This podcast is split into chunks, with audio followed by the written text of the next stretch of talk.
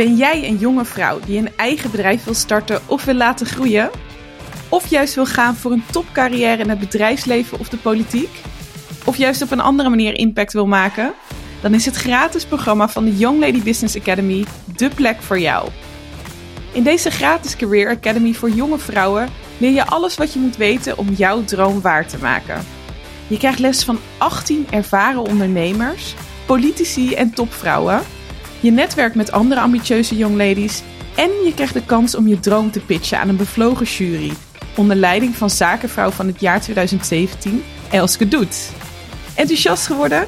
Schrijf je in voor de eerstvolgende Academy Week, live bij het Erasmus Center for Entrepreneurship en start vandaag nog met het realiseren van je dromen. Let op, de inschrijfdeadline is 30 oktober. Zien we je daar? Hoi en leuk dat je weer luistert naar een nieuwe aflevering van de Young Lady Business Academy, de podcast. Mijn naam is Laura Bas, Gen Z-expert en publiek spreker en vandaag jullie podcast-host. Ondernemen is moeilijker dan gedacht. Ruim 60% van de ZZP'ers stopt binnen 5 jaar en 90% van de start-ups floppen. Het zijn ook voornamelijk de mannen die gaan ondernemen. Slechts 37% van de ondernemers is vrouw. Maar hoe doe je dat dan, succesvol ondernemen? Vandaag twee vrouwelijke voorbeelden. We kennen allemaal wel de uitspraak: Ik heb zojuist een boom uitgeprint. We hoeven geen klimaatexpert te zijn om te beseffen dat het geen duurzame uitspraak is. Onze eerste gast vroeg zich dan ook af waarom papier eigenlijk altijd van hout wordt gemaakt en kreeg als antwoord: omdat we dat altijd zo doen. Ze is een innovator in hart en nieren en deze uitspraak deed haar dan ook bijzonder veel pijn. Ze besloot een oplossing te vinden en met succes. Met haar bedrijf Paper on the Rocks maakt ze papier van steen. Ze is daarbij ook een voorbeeld van een succesvolle, duurzame ondernemer. Anne Vleun van IJssen, welkom. Dankjewel. Ga ik nu naar onze tweede gast. Wat hebben een doos vol hooi, een anti-slip badmat en een XL kruik met elkaar gemeen? Het leverde onze volgende gast miljoenen op. Ze begon met het verkopen van hooi op de boerderij van haar ouders in een doos op bol.com en werd binnen no time topverkoper. De eerder genoemde artikelen leverden haar vergelijkbaar succes op. En wie denkt dat Claudia Lubbersen alleen maar aan het werk is, heeft het mis. Ze studeert ook nog gewoon bedrijfskunde. Claudia, welkom. Leuk om hier te zijn in Amersfoort. Ja, in het gelijks. Dan ga ik gelijk naar over naar de eerste vraag. Anne, je hebt een achtergrond in rechten en geschiedenis en je bent nu een duurzame ondernemer. Kan je me meenemen naar het moment dat je dacht, ik ga ondernemen? Ja, dat uh, was eigenlijk al wel vrij lang duidelijk dat ik dat wilde gaan doen. Niet uit mijn studies, maar uh, toen ik elf was, heb ik een boek geschreven uh, over de toekomst. Samen met een aantal andere kinderen, want ik was toen elf, dus nog heel klein. En um, het was de Turn of the Century. 2000. Ja, 1999 heb ik dat geschreven. En het ging eigenlijk over hoe zou de wereld eruit moeten gaan zien in, in de volgende jaren.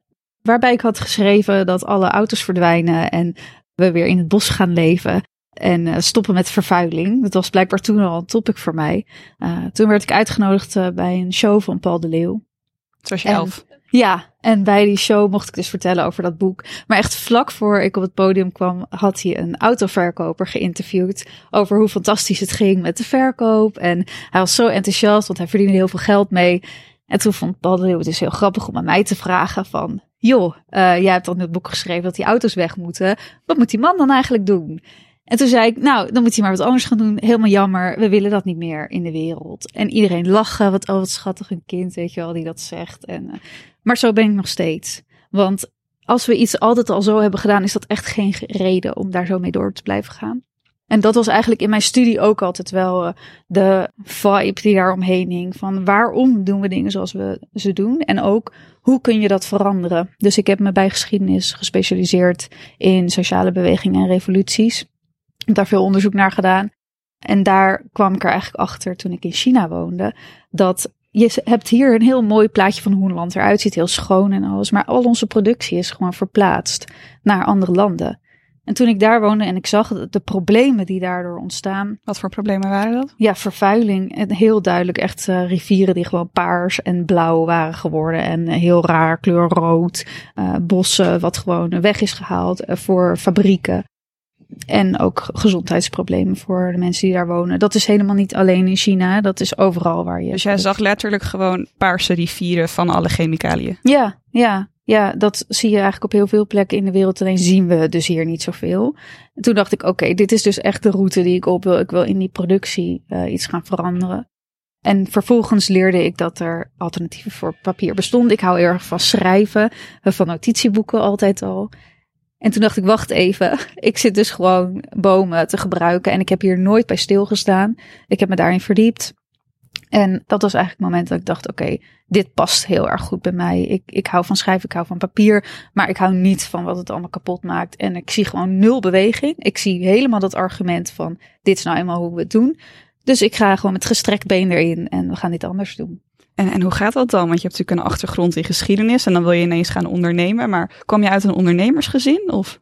Ja, nou, ik heb, mijn ouders zijn gescheiden toen ik heel jong was. En mijn moeder, die heeft altijd een bloemenzaak gehad. En mijn vader, mijn uh, biologische vader, zeg maar, die is ondernemer al heel lang. Die heeft twintig bedrijven opgericht. En daar heb ik wel toen aangeklopt van, uh, ik ga een bedrijf starten, ik ga dit doen. En uh, wat zal ik als eerste gaan doen eigenlijk? En, en, toen ging je nog het bedrijf, had je toen ook echt al het idee van ik wil steenpapier maken? Of? Ja, en nou de papierindustrie veranderen is eigenlijk echt de achtergrond. En ik ben begonnen met steenpapier. En uiteindelijk, nu hebben we ook andere alternatieve papiersoorten toegevoegd aan de collectie. En ontwikkelen we die zelf ook. Ja. Ze doen ook veel onderzoek daarnaar. En kan je me dan even meenemen, hoe oud was je toen? En dan klop je aan bij je vader. En wat zijn dan de eerste stappen die je gaat ondernemen? Want je hebt een idee, maar ja, dat was toen ook nog heel erg innovatief. Hoe ga je dan te werk? Ja, ik was toen 26. Ik was net bevallen van mijn eerste dochter. En ik dacht, goed moment. dat is niet per se aan te raden. Uh, maar ja, het werkte wel voor mij. Ik was thuis met mijn dochter. We woonden in Berlijn. En uh, ik dacht van, nou, dit is wel een veilig moment of zo om te gaan starten. Omdat ik gewoon af en toe wat ruimte over heb, dacht ik. Uh, wat tegen. Hoe kijk je er nu terug? nou, het was wel heel pittig. Ja, het is wel echt heel veel. Ik heb heel veel hulp gehad, gelukkig van mijn familie en uh, vrienden toen. En van ook kinderopvang uh, natuurlijk om dit te kunnen starten. En waar ik begon, was eigenlijk de belangrijkste tip die ik kreeg: is je moet naar buiten. Je moet de deur uit, het verhaal gaan vertellen. Want als je alleen maar thuis achter je computer gaat zitten, da daar kan je die industrie niet mee veranderen. Want toen wist je al dat zeg maar steenpapier een mogelijkheid was. Dus niet zo ja. Dat je, ja, dus dat wist je wel al. Ik heb die, uh, de fabriek waar dat is uitgevonden, die zit in Taiwan. Die heb ik benaderd. En ik heb eigenlijk gezegd van, joh, waarom zie ik dat hier in Europa eigenlijk niet? Of nauwelijks. En toen hebben ze mij uitgelegd van, uh, nou, we proberen voet aan de grond. Krijgt het heel anders dan hier bij ons. Dus we zoeken altijd wel uh, partijen die daarin mee willen gaan. En, en mijn manier om te laten zien dat alternatieve papiersoorten bestaan, is door er mooie producten van te maken. Dus mooie notitieboeken. En op die manier uh, ja, trek je mensen eigenlijk aan met, hey, ik wil een mooi notitieboek. En dan nummer twee is, het is ook gemaakt zonder bomen. En dat heeft heel erg goed gewerkt. Maar daarvoor was het echt nodig om meer de deur uit te gaan dan thuis te zitten. En hoe, moet, hoe zie ik dat voor me? Ging je gewoon langs bij bedrijven en ging je zeggen van ik verkoop uh, papierboeken van, van steen? Of? Nou, ik heb ongeveer alle evenementen denk ik in Nederland wel uh, gezien. Wat voor soort evenementen? Ja, duurzaamheidsevenementen, uh, start-up evenementen, pitch competities, hoe noem je dat, accelerator programma's. Uh, maar ook uh, gewoon individuen aangeschreven. Als ik zag van, hé, hey, je hebt een heel mooi duurzaam bedrijf opgezet. Je bent er een paar stappen verder. Ja, dan heb ik gewoon contact opgenomen. Als je even helemaal terug gaat naar het begin. Hoeveel mensen uh, schreef je dan per week aan? Of hoeveel mensen probeer je dan per week te spreken? Ja, echt wel veel. Ik denk, ja, nou, ik zou er niet per se een nummer op kunnen plakken. Maar ik denk, ik ging ongeveer drie, vier keer in de week naar een evenement als ik in Nederland was. En dan had ik ook nog drie afspraken op zo'n dag buiten de deur met nieuwe mensen. En hoe kwam je met die, hoe, hoe vond je die evenementen en hoe kwam je met die mensen in aanraking? Zoeken, gewoon googelen eigenlijk, maar ook vragen om me heen. Uh, vragen aan dus andere ondernemers. Uh, vragen aan vrienden die ik nog kende van de studie, die wel in een businessroute waren, waren gestapt. En daar een soort van graven. Het is eigenlijk graven en daarna een grote mond hebben. Dus ik heb al vrij snel tegen sommige evenementen gezegd van hey, ik wil voor jouw evenementen notitieboeken leveren van mijn papiersoort. Uh, dat doe ik dan gratis, maar dan wil ik ook gratis naar binnen en uh, ja, kunnen vertellen wat we hier doen. En dat werkte in het begin heel erg goed. Meer weggeven. Op een podium echt ook spreken? Of was het meer gewoon nee, dat je rondliep? Nee, in het begin was het gewoon al een eer dat ik uh, mocht komen, überhaupt naar binnen mocht komen, zeg maar. En ja, het was mijn idee dat als je dus meer weggeeft dan dat je verkoopt in het begin, dan uiteindelijk pluk je daar dan de vruchten van. Geloof je dat nog steeds? Ja, ik geloof dat nog steeds. Maar ik geloof ook dat er een moment is waarop je daarmee stopt. Het is niet zo dat je bekend wil staan als een bedrijf wat alles zomaar weggeeft. Er zit zoveel waarde in wat ik heb weggegeven dat ik ook wel verwacht dat het mensen aanzet tot denken en dus een gedragsverandering in uh, papierproducten die ze kopen. En dat heeft voor een groot deel goed gewerkt. En je hebt al die mensen natuurlijk, je sprak soms dan wel vier verschillende mogelijke klanten per dag. Hoe vaak zei dan iemand ja, ik ga bij jou producten in het begin bij, Ja, dat is echt een ding. Je moet doorzetten in het begin hoor, want bijna iedereen die dacht van Oh, wat leuk, grappig. Ja, oh ja, het is misschien ooit interessant. En sowieso duurzaamheid was van ja, oh ja, daar moeten we ook nog misschien een keer iets mee. De markt was niet echt klaar ervoor. Nee, dat was heel veel duwen en heel veel nee's. En heel veel bijsturen, je, je product aanpassen, je propositie aanpassen. En ook zoeken naar de juiste klanten. En op een gegeven moment had ik een aantal klanten waarvan ik dacht van oké, dit is gewoon echt een goede match. Ze zoeken hoge kwaliteit producten, dat is precies wat ik wil leveren. Dus dan, dan stuur je aan op lange termijn samenwerking. Hoeveel nee's moest je ongeveer horen voordat je een ja kreeg? Toen was het voor, ja, wat ze standaard volgens mij ook zeggen, is voor iedere tien gesprekken zeggen er negen nee en één ja. Ik denk dat dat ongeveer ook zo was in het begin. Ja. Dus je werd negen keer afgewezen en dan ja. één persoon die je. Ja, de hele tijd afgewezen. En ja, uitgelachen door de papierindustrie van wat kom jij nou weer doen? Daarna was er ook boosheid daaruit van, uh, hey hallo, uh, je gaat dus blijkbaar niet weg, maar uh, hoe denk je dat het moet met ons bedrijf of onze propositie? Hoezo ben je zo agressief hierover? Ja, dat, daar geloof ik nog steeds in dat dat heel erg heeft gewerkt. Ja, ik ga er zo verder eh, op door. Heel interessant. Ik wil ook even, Claudia, hoe was het bij jou? Want we hoorden van Anne heel erg doorzetter. Jij, uh, jij bent een topverkoper op, op bol.com. En je hebt natuurlijk ook je eigen bedrijf waar je ook buiten bol.com uh, eh, dingen verkoopt. Hoe ben jij begonnen? En heb jij ook in het begin zo moeten doorzetten? Ja, ja ik, ik was begonnen. Ik, ik kom van een boerderij. Mijn ouders hebben een, uh, een koeienboerderij, 240 koeien ongeveer. En uh, de vraag was altijd: zou ik die boerderij overnemen of gaan mijn broers het overnemen? Hoe gaan we dat doen? En uh, altijd veel geholpen en met veel plezier daar, daar nog steeds. Maar toen kom ik toch tot de conclusie: ik wil de boerenbedrijf wil ik niet overnemen, maar ik wil wel wat anders doen, wel wat anders ondernemen. En um, toen bedacht ik me, nou, rond mijn 16, 17, dan wil ik ooit wel een eigen bedrijf misschien starten. En uh, toen was ik 18 en op je 18e mag je gewoon een bedrijf opzetten. Mag je een eenmanszaak opzetten. Dus dacht ik, nou, dan ga ik dat dan maar doen. Maar ik had nog niet echt een idee wat ik dan precies wou doen. Maar uh, toen uh, naar de Kamer van Koophandel gegaan. Ik dacht, iets met bol.com, dat kan misschien wel wat worden. Dus je bent gewoon naar de Kamer van Koophandel gegaan zonder een idee? Ging gewoon alvast Met alleen het idee, nou, ik ga iets op bol.com misschien uh, verkopen. Maar voor de rest eigenlijk vrij weinig ideeën. uh, dat was misschien niet een heel goed idee. Maar um, toen vanuit daar bedrijf opgericht. En ja, begonnen met het verkopen van hooi van de boerderij van mijn ouders. Dat, dat lag er eigenlijk nog. Ik dacht, nou, als ik dat nou eens op bol.com zet, dat kan ik heel goedkoop inkopen. Of het kwam gewoon van ons eigen land. Ach, nou, dan, dat ik op bol.com doe ik het in een, in een doos, want die doos is laag genoeg. Doe ik een plakbandje eroverheen. En dan uh, kijken of het maar verkoopt. En dat uh, begon meteen wel aardig goed te verkopen. En binnen no time was het eigenlijk, zat ik bovenaan. Als je zocht op hooi, kom ik altijd bovenaan. Boven de welkoop en de, en de pet place. En hoeveel vroeg je dan voor zo'n doos met hooi? Het was iets van 5 euro per kilo ongeveer. En dan kon je kiezen tussen 3 kilo, 5 kilo of 8 kilo. Maar net hoeveel eh, konijn je hebt of hoeveel je konijn wil eten. Uh, maar toen was het een, um, dat stopte ik in een doos, was plasticvrij hooi. En iedereen verkocht uh, hooi in, in een plastic zak. Uh, want dat is makkelijk. En dat werd dan gemaakt in Oostenrijk of in Duitsland. Nu nog steeds wel relatief dichtbij. Maar echt Nederlands hooi, dat was eigenlijk wel uniek. En uh, ja, op die manier gestart. En um, op een gegeven moment was het hooi, dat was heel leuk om te doen. Maar ik moest elke dag met het hooi moest ik naar het postkantoor toe. Nou, Kilo hooi naar, uh, hoe deed je dat dan met een auto? Of, ja, met een soort van bestelbusje. Die hele auto vol. Op een gegeven moment vond de supermarkt dat ook niet meer zo leuk. dus toen op een gegeven moment was dat niet heel schaalbaar meer. Uh, het verkocht iets van 20 dozen per dag. Dan hield het op een gegeven moment wel op. En dan moet je dat uitbesteden. Of je moet het echt groter aan gaan pakken. Of, of iets anders verzinnen. En toen was ik uh, op het idee gekomen om uh, anti-slipmatten te verkopen. Hoe kom je daarbij? Mijn moeder kocht elk jaar kocht ze er eentje voor in de douche, zodat we niet, uh, zodat we niet uitglijden. Ah, als ze dat elk jaar koopt, dan kan ik dat misschien ook wel maken. Maar dan van betere kwaliteit, die gewoon altijd mee blijft gaan, die gewoon hartstikke goed is. En, dan heel even, hoe doe je dat dan? Want dan denk je, oké, okay, ik wil een anti-slipmatmat verkopen, maar betere kwaliteit. Hoe vind je die? En hoe heb je dat dan gedaan? ja, ik was gewoon op zoek gegaan naar, naar leveranciers in, uh, in Europa, in uh, Azië. Uiteindelijk in Azië uitgekomen. Daar zitten zeg maar echt de fabrikanten die, die douchematten maken. Dus toen heel veel samples ingekocht, allemaal verschillende matten getest. En toen uiteindelijk wel een hele goede mat, de goede leverancier in Maleisië. Daarmee hoe, hoe weet je dan wanneer iemand een goede leverancier is? ja, eerst hebben we een paar stuks besteld. En toen waren die goed toen een paar honderd stuks besteld, een paar duizend, dan zo elke keer iets meer. Maar ja, op die manier uh, zo'n samenwerking opgezet met een leverancier. En uh, verkopen we nu nog steeds.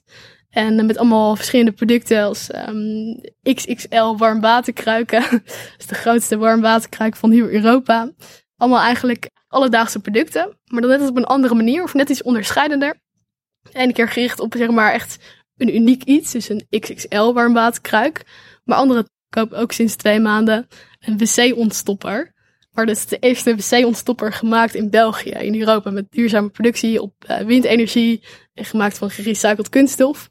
Dus nu ook wel op zoek naar dat soort producten en dat soort producten in de markt zetten.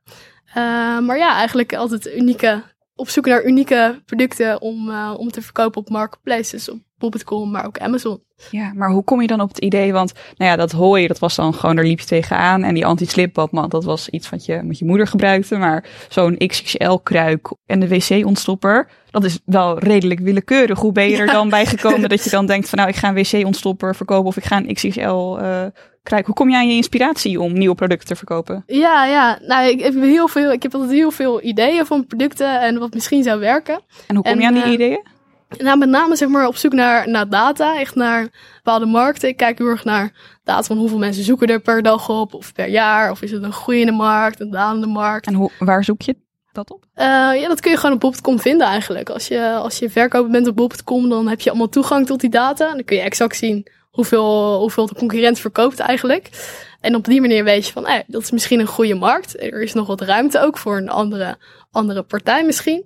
En dan uh, ga ik het gewoon proberen. Dan zet ik een paar honderd stuks. Dan verkoop ik een paar honderd stuks. En dan soms werkt het wel. En soms werkt het ook niet. En dan zit ik met een paar honderd stuks thuis. En dan weet ik niet meer wat ik ermee moet doen. Dus dan breng ik ze naar de kringloop of zo. Uh, maar sommige producten werken en sommige niet. En dan uiteindelijk haal je soms een, een soort van willekeurig assortiment over.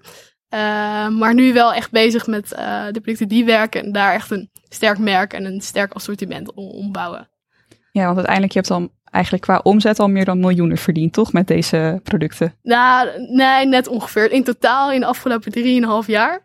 Uh, maar nu vooral het laatste jaar wel weer flink aan het groeien. Omdat we nu zijn uitgebreid van alleen Nederland en België. Verkopen op bol.com. Naar uh, ook verkopen op Amazon. In heel Europa en uh, de Verenigd Koninkrijk. Dus op die manier nu wel wat, wat schaalbaarder aan, aan het groeien. Maar ja, op die manier ja. Ja, Anne Pleun vertelde net dat zij in het begin heel erg moest doorzetten en dat ze heel veel nee te horen uh, heeft gekregen. Nou, je had eigenlijk best wel mazzel met dat het hooi gewoon heel erg goed aansloeg. Heb jij ook wel eens gehad dat je in het begin ontzettend moest, uh, moest doorzetten of dat er echt even iets uh, niet helemaal lukte? Ja, nou ja, op zich, ik doe met name zeg maar heel veel online en ik, ik, ga, ik ga wel veel de deur uit, maar met name zeg maar online dingen regelen en voor elkaar krijgen. Dus ja, met name zeg maar iets online zetten op een bol.com of een Amazon dan uh, heb je heel veel klanten die erop klikken, die, die dan weer wegklikken. Dat is eigenlijk een soort van nee, maar die, eh, die voel je niet echt, die merk je niet echt. maar uh, ja, natuurlijk als je dingen wil regelen of met leveranciers of uh, met, met andere partijen, ja, dan moet je wel soms even doorzetten of twee keer vragen of drie keer vragen of vier keer vragen. Of op een andere manier even nadenken en, en dan kan het wel. Maar heb je in het begin ook nog wel echt iets, een tegenslag gehad? Dat je bijvoorbeeld heel moeilijk had in het begin? Of is dat gewoon eigenlijk heel gestaag Nee, op zich. Natuurlijk is elke dag is weer een nieuwe dag. En sommige dagen zijn heel leuk. En sommige dagen zitten heel veel dingen tegen. Uh, maar als je elke dag weer opnieuw begint, dan uh, valt het mee. maar ik doe alles gewoon altijd stap voor stap. En um, ja, soms kom je erachter dat iets niet werkt. En dan ja, kun je het zien als tegenslag. Of je kunt denken van, nou, dan ga ik maar iets anders proberen. Dan kan ik misschien een ander iets proberen. Dus ja, er zijn genoeg tegenslagen, maar ja, dan kun je altijd gewoon doorgaan. Kan je een voorbeeld geven van zo'n tegenslag die je moeten overwinnen? Ah, ik had een paar weken geleden, ik verkoop sinds kort, sinds begin van het jaar ook in Zweden. En uh, ik verkoop sinds kort uh, koeldekens. Dat is een deken die je koud houdt in plaats van warm. Dus dat voor een tegenhanger van de warmwaterkruik. Maar ik had het online gezet. Uh, in alle Europese landen, gewoon meteen in één keer. En ik had overal, ik had de prijs 50 euro overal neergezet. Dus 50 euro Duitsland, 50 euro Nederland, in de UK. En ik had ook 50 euro of 50 neergezet voor Zweden. Maar 50, uh, Zweden, dan zijn het 50 Zweedse kronen. Dat is eigenlijk 5 euro. Dus ik had allemaal voorraad aan hem gestuurd, iets van 200 stuks of zo. En uh, toen opeens ging het viral. Of op een of andere manier was het, in één keer had ik 50 stuks verkocht. Van die kooldekens tegen 5 euro, inclusief verzendkosten. Ja. dus dat was wel even pijnlijk. Uh, maar dat soort dingen maak je ook mee. En uh, dat is, ja, aan de kant is het misschien wel grappig. Het is wel leuk om mee te maken, maar op de dag zelf is het niet zo leuk. Nee, heb je daar wel stress van?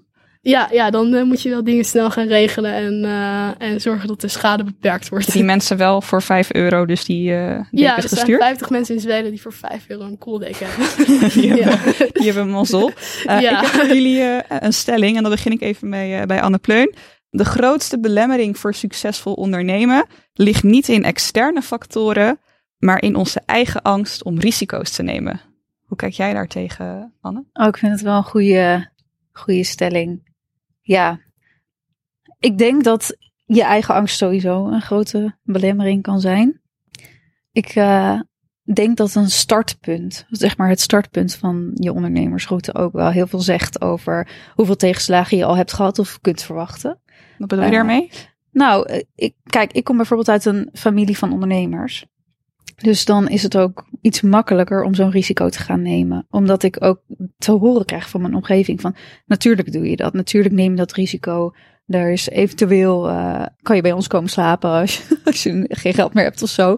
En dat geldt gewoon niet voor iedereen. Dus ik ben me er wel van bewust dat mijn perceptie van een risico nemen anders is dan dat dat voor andere mensen misschien zo is.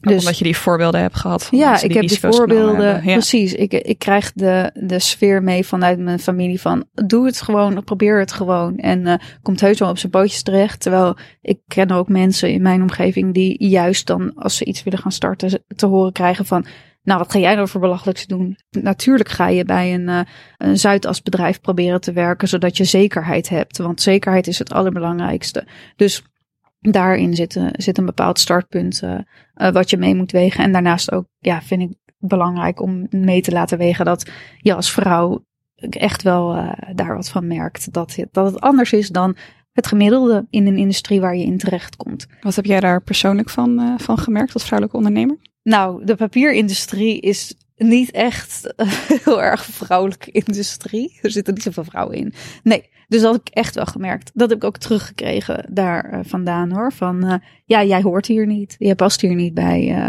kijk, je hebt toch gezien wie hier de, de scepter zwaaien. Dat, ben jij dat? Nee. En, um, Puur omdat je vrouw bent. Ja, ja, maar ook wel met investeerders.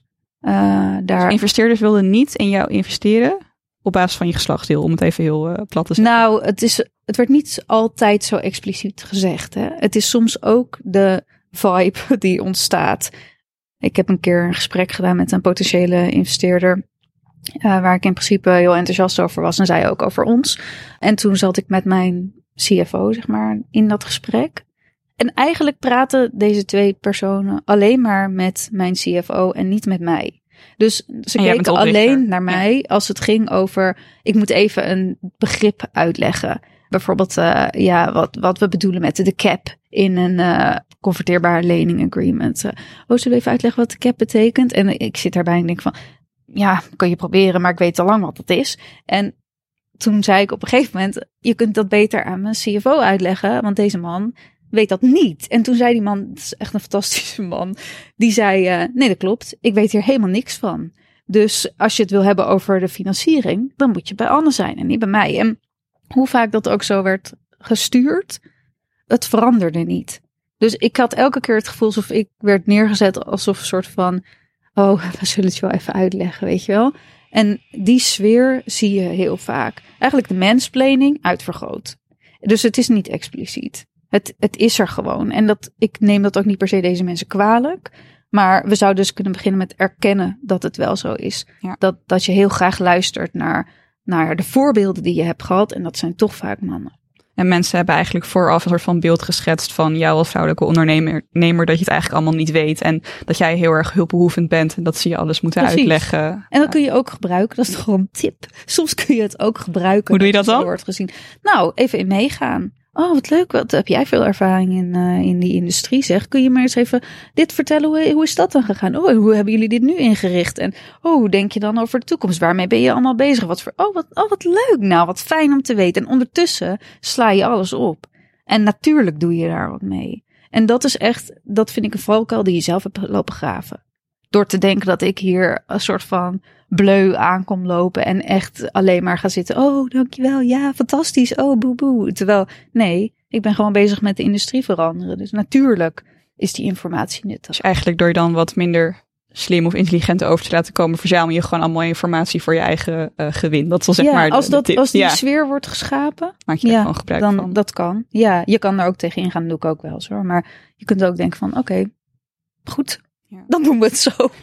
Hoe is dat uh, voor jou, Claudia? Heb jij wel eens opmerkingen of, of andere behandeling gekregen omdat je uh, een vrouw was?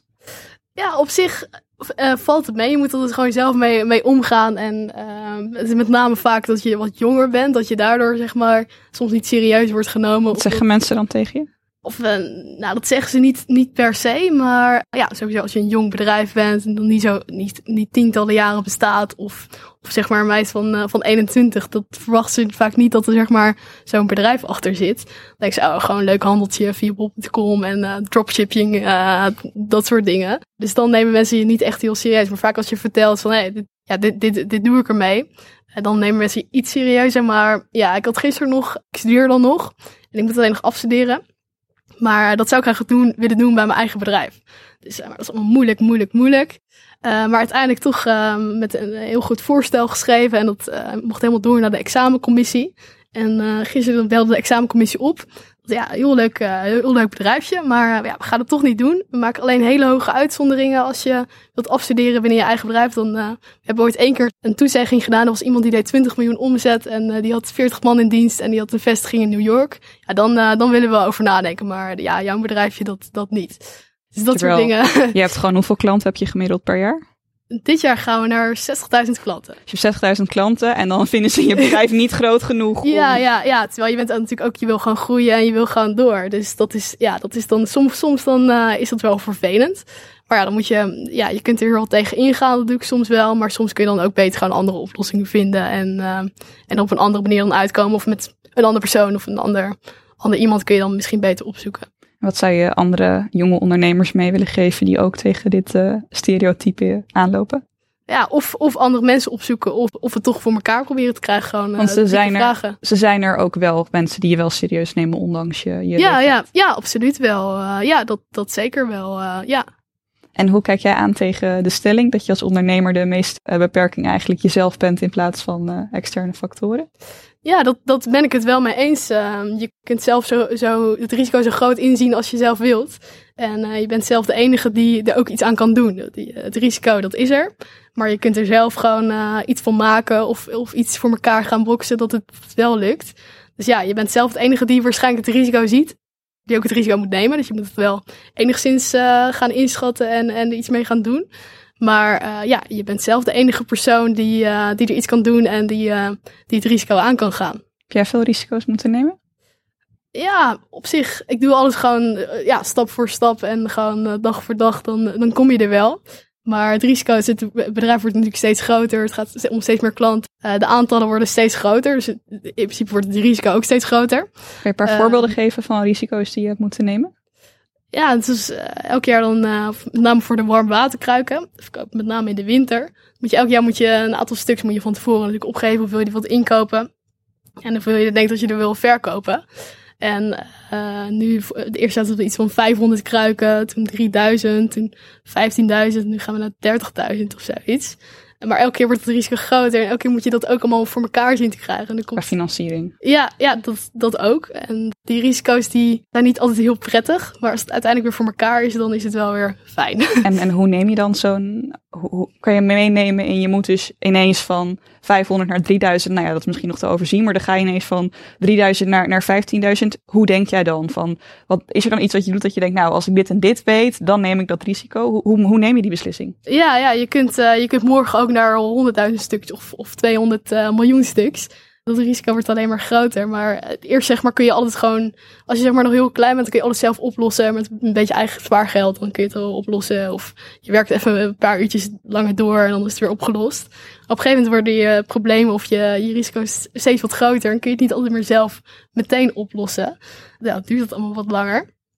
Maar ja, dat, dat moet je gewoon. Je moet over bepaalde dingen moet je steeds beter nadenken voordat je bepaalde dingen gaat doen. Ja, want hoe neem jij een beslissing of je van 3 naar 5000 of naar 15.000 gaat? Ja, door hele goede voorspellingen te maken. En, Hoe doe je dat? Uh, ja, gewoon een Excel eigenlijk. Gewoon uh, Excel berekenen hoeveel, we er vorig jaar verkocht. En wat zijn de groeiplannen om, om zeg maar te verdubbelen? Of wat zijn de groeiplannen daarop? En, en, en hoe manier... maak je dan zo'n groeiplan? Is dat gewoon dat je dan denkt van ik ga het meer promoten? Of? Ja, ja, dus uh, met een aantal acties erin, met een aantal, uh, ja, hoe, hoe ga je groeien? Bijvoorbeeld door extra verkoopkanalen of door op de huidige verkoopkanalen meer te verkopen. En dan moet je kijken van, ja, waar is het maximale en hoeveel kost het om een nieuw verkoopkanaal bijvoorbeeld aan te sluiten? En uh, ja, wat, wat voor een actie moet je allemaal voldoen? Uh, meer marketingacties of meer productkwaliteit verbeteren? Of je hebt allemaal dan verschillende acties die je ja, van tevoren heel duidelijk moet maken en ook moet gaan doen.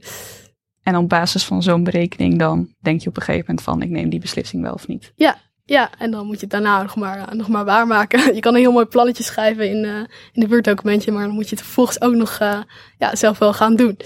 Heb je wel schat dat je plannetje helemaal mislukte?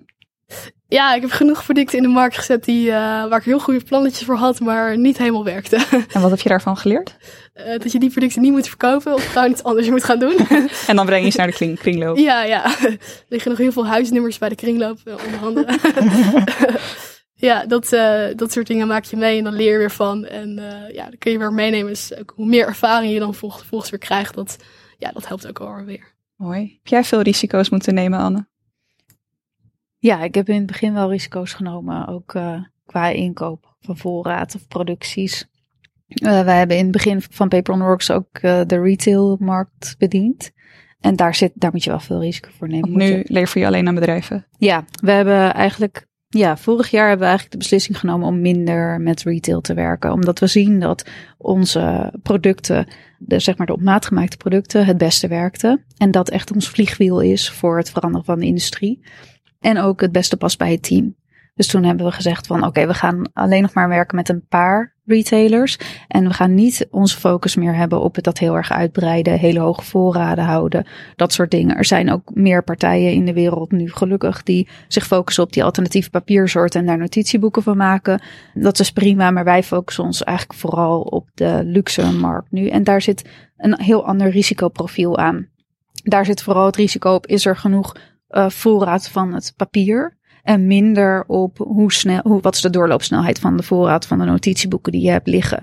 Um, dus je dat, dat uitleggen? Want het is ja, moeilijker om steenpapier te maken dan bijvoorbeeld houtpapier? Of? Nou, sowieso. Maar kijk, we hebben nu verschillende papiersoorten die we voeren. Dus we hebben papier van landbouwafval. We hebben steenpapier wat we voeren. En daar zit een hele supply chain achter. Dat moet natuurlijk in Nederland aankomen, want dat wordt niet in Nederland gemaakt. En dan de productie daarvan, hier hebben, daar hebben we verschillende partners voor. Want ook als er met een van je partners iets gebeurt, dat moet je ook incalculeren dat je dan kan uitwijken. Dus dat hebben we allemaal super erg onder controle. Maar wat ik vind dat je minder onder controle hebt met een uh, duurzaam product in de retailmarkt zetten, is je moet heel veel voorraad hebben. Je moet je voorraad soms op dit uitleveren op consignatie. In consignatie. Wat betekent dat? Dat betekent dat het daar ligt, maar dat zij er eigenlijk of nog niet voor betalen totdat het is verkocht, of ze hebben het uh, recht van retour. Dus dat betekent dat je ook alles terug kunt krijgen als het daar niet verkoopt. En dan ligt al het risico bij jouw organisatie. En daarvan hebben wij nu gezegd van oké, we zien zo'n groeimarkt en zo'n waardevolle markt in waar wij nu in werken. Dat risico, dat gaan we er gewoon uithalen, omdat we zien dat we, als we dat risico niet nemen, he, hebben we meer ruimte om de research en development voor nieuwe papiersoorten te doen. En gaan we nu dus ook een nieuwe papiersoort maken hier in Nederland. Dus je hebt er eigenlijk voor gekozen om het uit de retail te halen, om dat geld wat je zeg maar met het bespaart van het, dat risico niet nemen, dat je dus je product kan verbeteren. Ja, product verbeteren, maar vooral kunnen we ook gewoon iets toevoegen aan de Nederlandse papierindustrie. En dat is uiteindelijk waarom ik dit bedrijf heb. We hebben dit bedrijf niet neergezet om uh, het allergrootste notitieboekenbedrijf van de wereld te worden. Dat is echt niet mijn droom. Ik wil die industrie veranderen en daarvoor ja, hebben we gekozen om niet meer zo'n zwaar risico daar neer te leggen. En hoe maak jij jou, uh, je hebt nu een beetje voorbeeld gegeven, maar zijn er nog andere dingen die je in overweging neemt als je een risico wel of niet neemt? Nou, het team. Ha, ik ben niet degene hier uh, die echt al die uh, inschattingen meer maakt. Nee, in het begin deed ik dat wel allemaal zelf. Maar ik ben, vorig jaar ben ik uitgevallen. Ik ben heel ziek geworden. En dat heeft me echt geleerd dat je ziet meteen wat je zelf wel en niet kunt. Ja. op dat moment kon ik helemaal niks. Maar je ziet dan, doordat het de organisatie verder gaat met het team wat er staat, waar de sterke punten van de mensen in het team liggen. En dus waar je zelf ook een stap terug moet doen en blijvend moet doen. Dus nu als er een risico moet worden genomen, dan weten we precies wie in de organisatie hier de beste beslissing over kan nemen. En dan praat ik heus wel mee.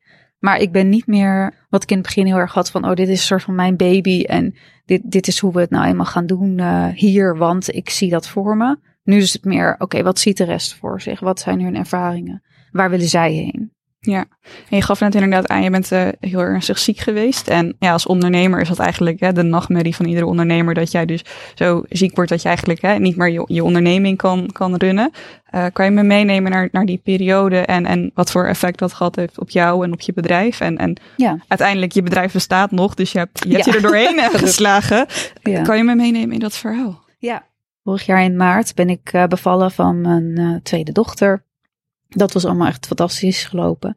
En eigenlijk tien dagen later kreeg ik een, uh, een sinustrombose, een trombose in mijn hersenen. En dat zorgt voor een herseninfarct en een hersenbloeding. Dat is een super zeldzame complicatie van een bevalling. Wat, het is, komt ongeveer één keer in de 30 jaar voor. Dus niemand hoeft zich bang te maken daarover, of zorgen te maken daarover.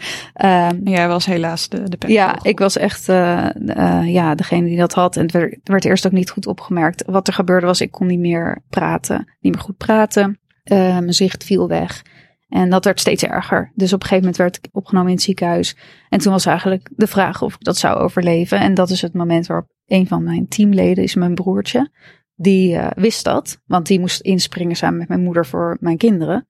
Die heeft een van de financiers gebeld en gezegd: uh, Dit is er aan de hand. We weten niet hoe Annie eruit komt en of ze eruit komt, maar ja, wat, wat doen we? En toen zei hij: Ja, ik stap nu in haar rol. Ik kom nu in de organisatie en um, we gaan door. En, uh, dus een financier heeft, ja. die, heeft, die heeft eigenlijk jouw rol overgenomen. Ja. En hoeveel mensen had je op dat moment in dienst?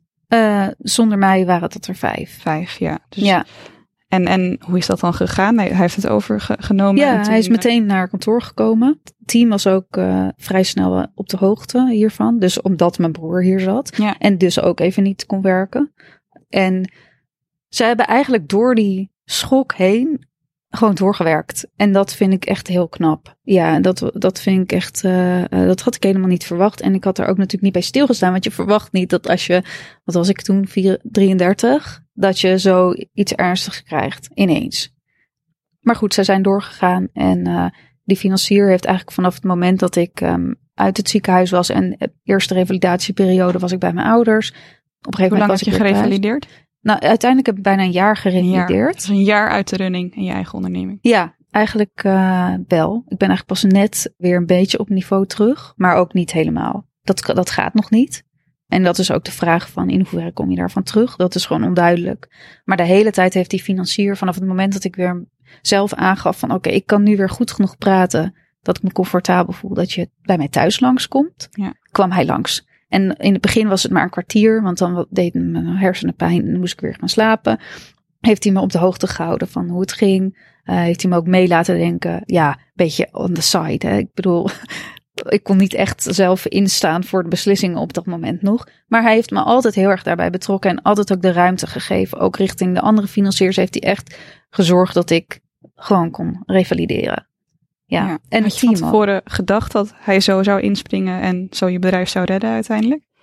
Nee, ik had het wel altijd natuurlijk gehoopt. Je hoopt dat je mensen om je heen hebt die zo zich opstellen, ook het team. Ik, ik hoopte dat er mensen zouden zijn die niet zouden denken: oh, nou, Anne valt weg, ja, dan, dan kap ik ermee. Of ja. dan weet ik niet wat ik moet doen.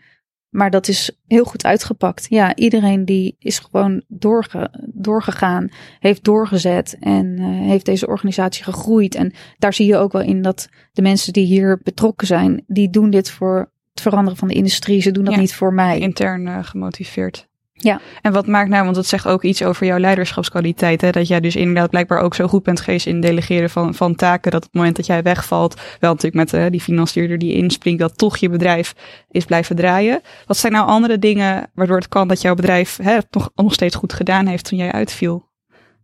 Ik denk dat ik altijd al wel goed was in delegeren. Ik heb nooit uh, de illusie gehad dat ik een soort van het bedrijf ben.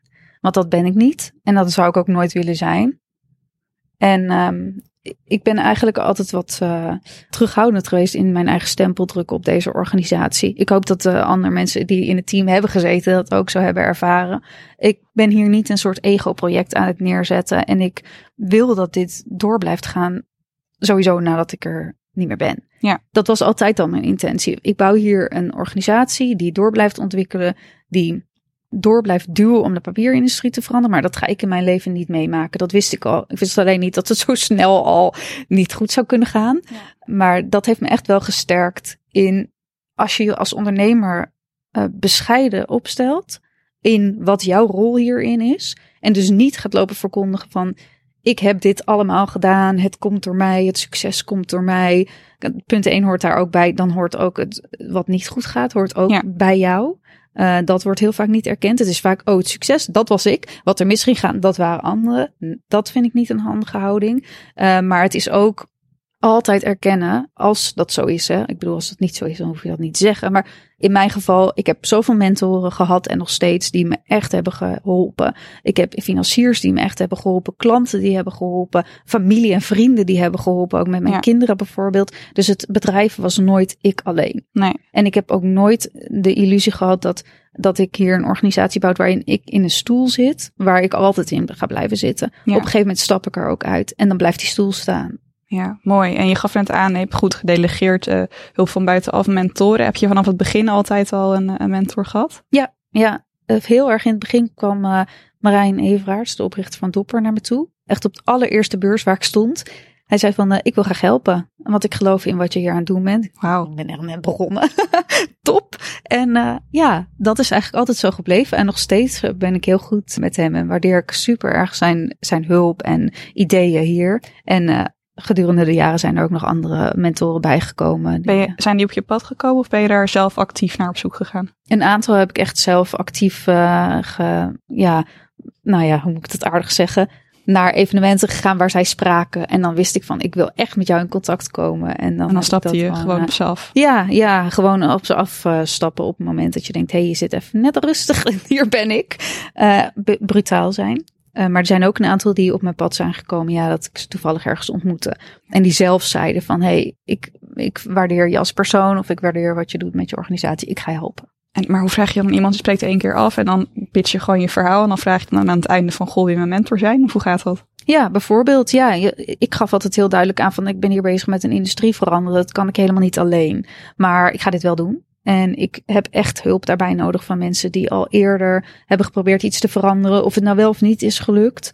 Um, die kennis, als je dat zou willen delen, zou dat super waardevol zijn. Ja. Uh, en soms hebben we, we hebben ook een raad van advies bijvoorbeeld. Uh, ja, uh, waar mensen dan permanent betrokken zijn. Maar ik heb ook een mentor die heel erg gericht is op meer mentor over het leven in het algemeen. Ja. En dat is ook mentoren. Fijn. Ja.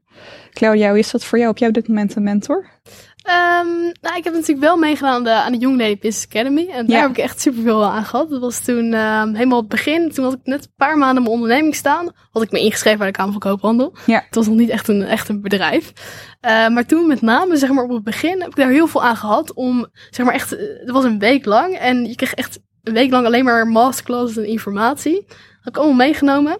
Dat heeft wel zeg maar een beetje het begin gelegd van, nou, nou, zo moet je een beetje dat ondernemen oppakken. Zo moet je daarmee omgaan. En met die week zeg maar wist je heel goed, oké, okay, dit kan ik enigszins verwachten zeg maar als ik een bedrijf ga starten. Of, of andere ambities heb als je gewoon ambitieus bent. Is de Young Lady Business Academy de grondlegger geweest uh, van het succes van je onderneming? Ja, ja, dat was echt het, het eerste en enige evenement zeg maar, waar ik toen was geweest. En uh, ja, eigenlijk uh, met name voor het eerste jaar echt zeker. Ja, absoluut. En wat maakte dan dat je zo geïnspireerd raakte tijdens de Academy? Ja, goede vraag. Um, nou, ik vond het, ik wou er gewoon echt extreem graag aan meedoen. Ik was echt Waarom? wel, ik kwam het een jaar daarvoor een keer tegen. Toen was ik 16 of 17 of zo. dacht ik, ah, daar wil ik ooit wel een keer aan meedoen. Maar uh, toen had ik dat uh, aan het einde van het jaar opgegeven. Oké, dan ga ik dit jaar ga ik daar aan meedoen. Dit jaar dan een bedrijf starten en ik ga daar aan meedoen. Er waren maar twee dingen dat ik eigenlijk wou in dat jaar. En uh, ja, dacht ik, nou, bedrijf starten was in januari en die academy was in juni. Ja, alles weer afgerond. Dat, dat wou ik graag. Dus ja, dat was wel leuk. En wat zijn nou concrete dingen die je eruit gehaald hebt die je nu nog steeds gebruikt?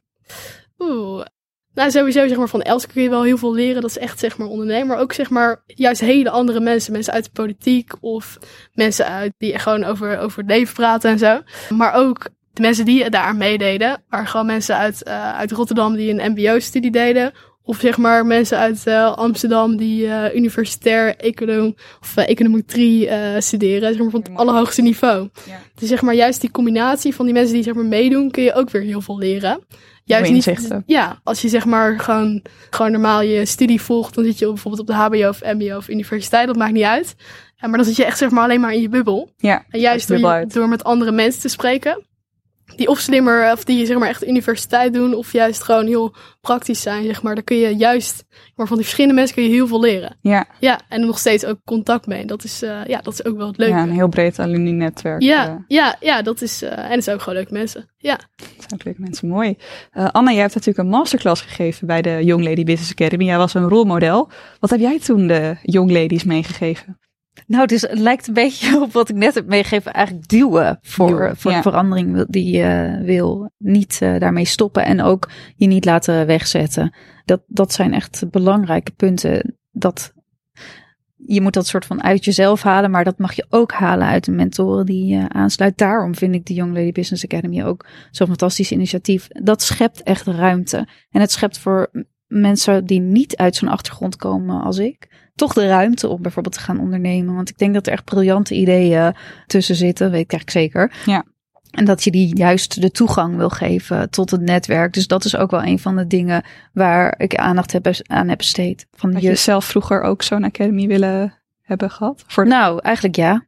Ja, ik denk dat dat heel erg waardevol uh, zou zijn geweest. Ja, zeker. Mooi. Ik ben ook nog wel even benieuwd, Claudia. We hebben het net, uh, Anne heeft een best wel grote tegenslag meegemaakt. Heb jij ook een keer gehad dat in je bedrijf echt iets helemaal de soep inliep en dat je het echt even niet meer wist? Mm, nou, soms heb je elke dag heb je wel bepaalde momenten dat je denkt, nou, ja. die, die weken niet meer. Uh, maar daar kom je altijd zo uit. Maar de eerste twee jaar ging eigenlijk super goed. Het was toen corona, toen ik startte. Dus ik verkoop met name online. Dus dat in 2020 en 2021 ging het hartstikke goed. En in 2022 dacht ik, nou, nu gaat die groei natuurlijk gewoon doorzetten. Uh, dat had ik helemaal zo uitgerekend en voorspeld en zo. Maar 2022 was wel een moeilijker jaar. En op een gegeven moment zakte de consumentenmarkt een beetje in, of de vraag naar consumentenproducten. En ik ging net uitbreiden uh, naar Amazon in heel Europa. En dat was eerst verliesgevend. Uh, oh. Want je eerst je moet heel veel adverteren en ja. echt zeg maar je, je posities op die, op die marketplace wil, uh, wil halen. Dus zeg maar, uh, 2022 vond ik een uh, best wel of moeilijker jaar. Hoe ging je daar dan mee om? Zeg maar, had je geldstress of... Uh... Ja, nee, maar meer dat je denkt, ah, het, het, gaat heel goed en dan gaat het opeens, de groei gaat minder. Maar je moet wel gewoon door en, en je wil die groeiambitie nog wel maar maken. Dus ja, dat is, was zeg maar een, een lange, langzame tegenslag, zeg maar. Hoe ben je en, daar doorheen gekomen? Ja, gewoon, gewoon doorgaan en goed nadenken wat je doet. En uh, ja, gewoon doorgaan met je plan. Uiteindelijk uh, komt het wel weer goed. Ja, mooi. Ja, want Anne, je hebt ook voordat je ziek werd ook nog een heel zwaar coronajaar gehad. Hoe, waarin je best wel wat personeel uh, moest ontslaan vanwege nou, corona. Ja. dan heb je eerst zo'n coronajaar gehad, dan word je ziek. Hoe ben jij mentaal zo sterk gebleven dat je nu gewoon weer ja, volop je onderneming kan runnen? Nou, ik vind dat een goede vraag. Ik moet zeggen dat ik daar niet zo heel erg over na heb gedacht, realiseer ik me nu. Um, ik denk dat dat ook wel te maken heeft met hoe je in het leven staat in het algemeen. Dat is voor mij namelijk heel erg veranderd door wat er vorig jaar bij mijzelf is gebeurd. Als je hersenen uitvallen, dan uh, uh, je linker hersenhelft regelt zeg maar je besef van toekomst en verleden. Ja. En dan heb je alleen nog maar nu heb je over. En dat is een soort van alsof je permanent in dat van de kracht van het nu, dat boek wat heel ja. populair is, alsof je permanent daarin zit. Ja. Dat was die fase voor mij toen ik niet zo goed meer uh, uh, de rest had van mijn hersenen. En dat is eigenlijk nog steeds hoe ik naar mijn leven kijk. Het is allemaal zo relatief. Uh, het, het is zo kort, je leven. Het klinkt dan alsof dat dan iets heel vervelends is, maar voor mij is het echt zo rustgevend. Je bent echt een soort, ja, flikkering en dan is het voorbij. En daarin wil je gewoon iedere dag wakker worden en denken van wat ongelooflijk fijn dat ik er nog ben. En dat is voor mij nu iedere dag. En dat maakt dat ieder tegenslag of ieder probleem, denk van oh ja, dat kan ook. En dan kijk ik naar buiten, zie ik een bloem of zo. En denk ik van, oh, wat prachtige bloem. En dat had ik hiervoor echt niet hoor. Zo, toen was ik echt helemaal soort van bijna geforceerd aan het duwen overal mee. En dat heb ik niet meer. Heeft het je meer rust gegeven? Heel veel. Ik ben echt zo rustig. Ja, ik kan, er kan, ik weet nu ook wel door wat er is gebeurd, dat er kan echt het allerergste gebeuren wat ik me kon indenken, bijna. Want ik kan me nog erger dingen bedenken. Maar, en toch, je leven gaat door. Of het gaat niet door en dan gaat het ook niet door, oké. Maar als het doorgaat, dan, dat is gewoon een leven. Heb je het Ja. gevoel dat je nu, ondanks alle ellende die je hebt meegemaakt, wel een mooier of een fijner persoon bent geworden door die ervaring? Of dat je er echt door gegroeid bent? Of zeg je van nou, Nou, ik ben wel anders geworden. Ik voel me een beetje alsof ik een soort honderd jaar ouder ben geworden. Ik voel een beetje als mijn opa. Vroeger altijd tegen mij praten. En dat geeft echt rust die ik meer jonge mensen zou gunnen.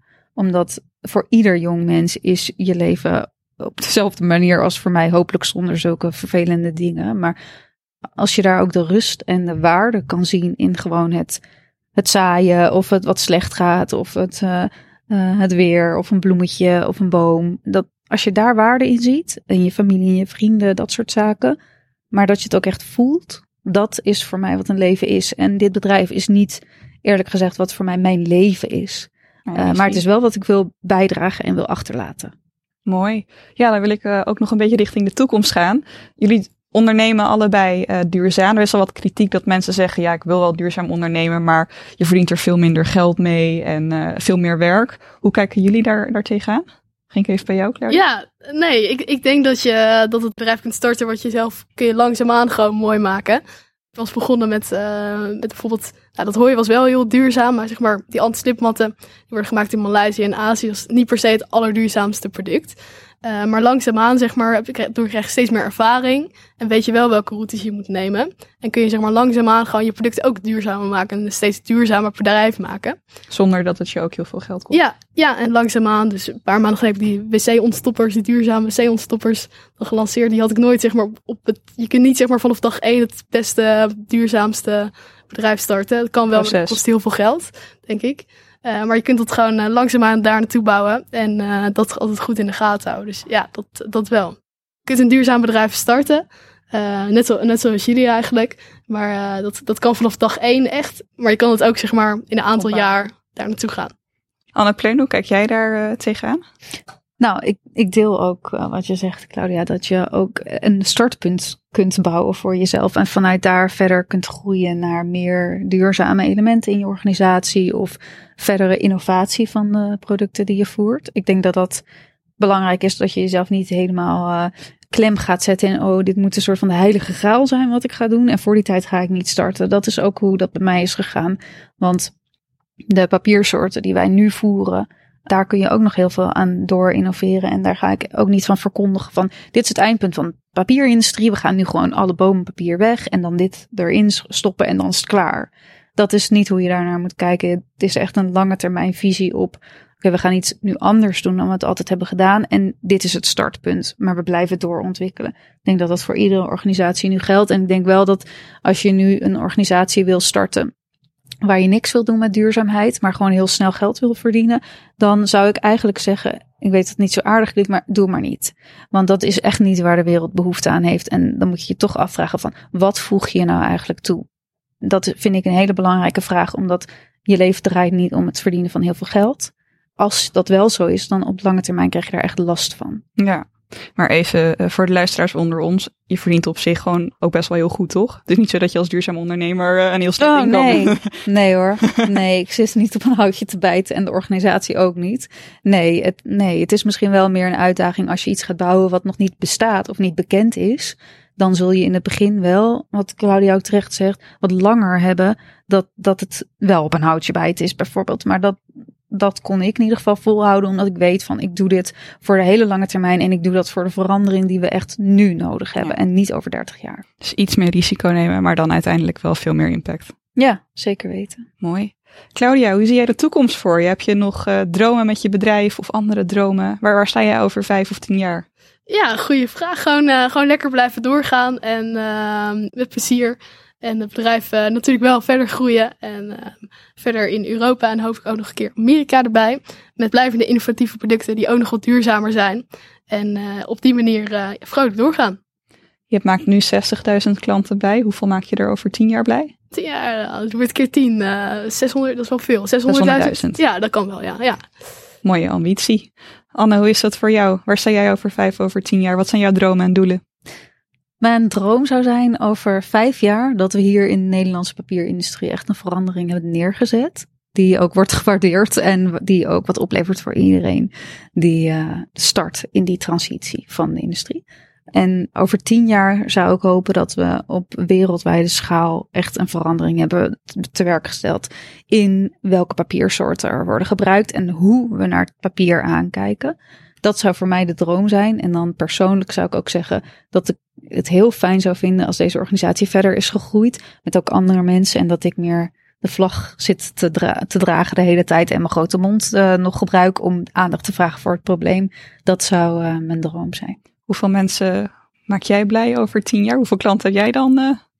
Oh, nou, dat Misschien hoeveel heb je er nu en hoeveel heb je er over tien jaar? nou, ik, ik moet zeggen dat ik dat. Uh, dat ik daar niet zo erg een, een aantal aan zou kunnen hangen. Ik zou wel willen zeggen dat we dat over tien jaar. Nou, wat zullen we zeggen? En op zijn minst 30 miljoen mensen bewust hebben gemaakt van de problemen in de papierindustrie. Dat zou uh, een schaal zijn waarvan ik denk, ja, dat is makkelijk haalbaar. Makkelijk haalbaar, 30 Voor miljoen het bewustzijn. Ja, nou, dat uh, klinkt als een hele mooie ambitie. Ja. Heb ik nog twee afsluitende vragen aan jullie. Wat zou je willen zeggen tegen jonge vrouwen of jonge mensen die willen starten met ondernemen? En wat zou je willen zeggen tegen jonge vrouwen die nog twijfelen of ze zich op willen geven voor de Young Lady Business Academy? Ik zou voor allebei de vragen gewoon doen zeggen. Gewoon, uh, gewoon ten eerste gewoon inschrijven met je bedrijf. Ook al heb je nog geen goed plan of is het misschien helemaal niet nog heel duurzaam. Gewoon starten.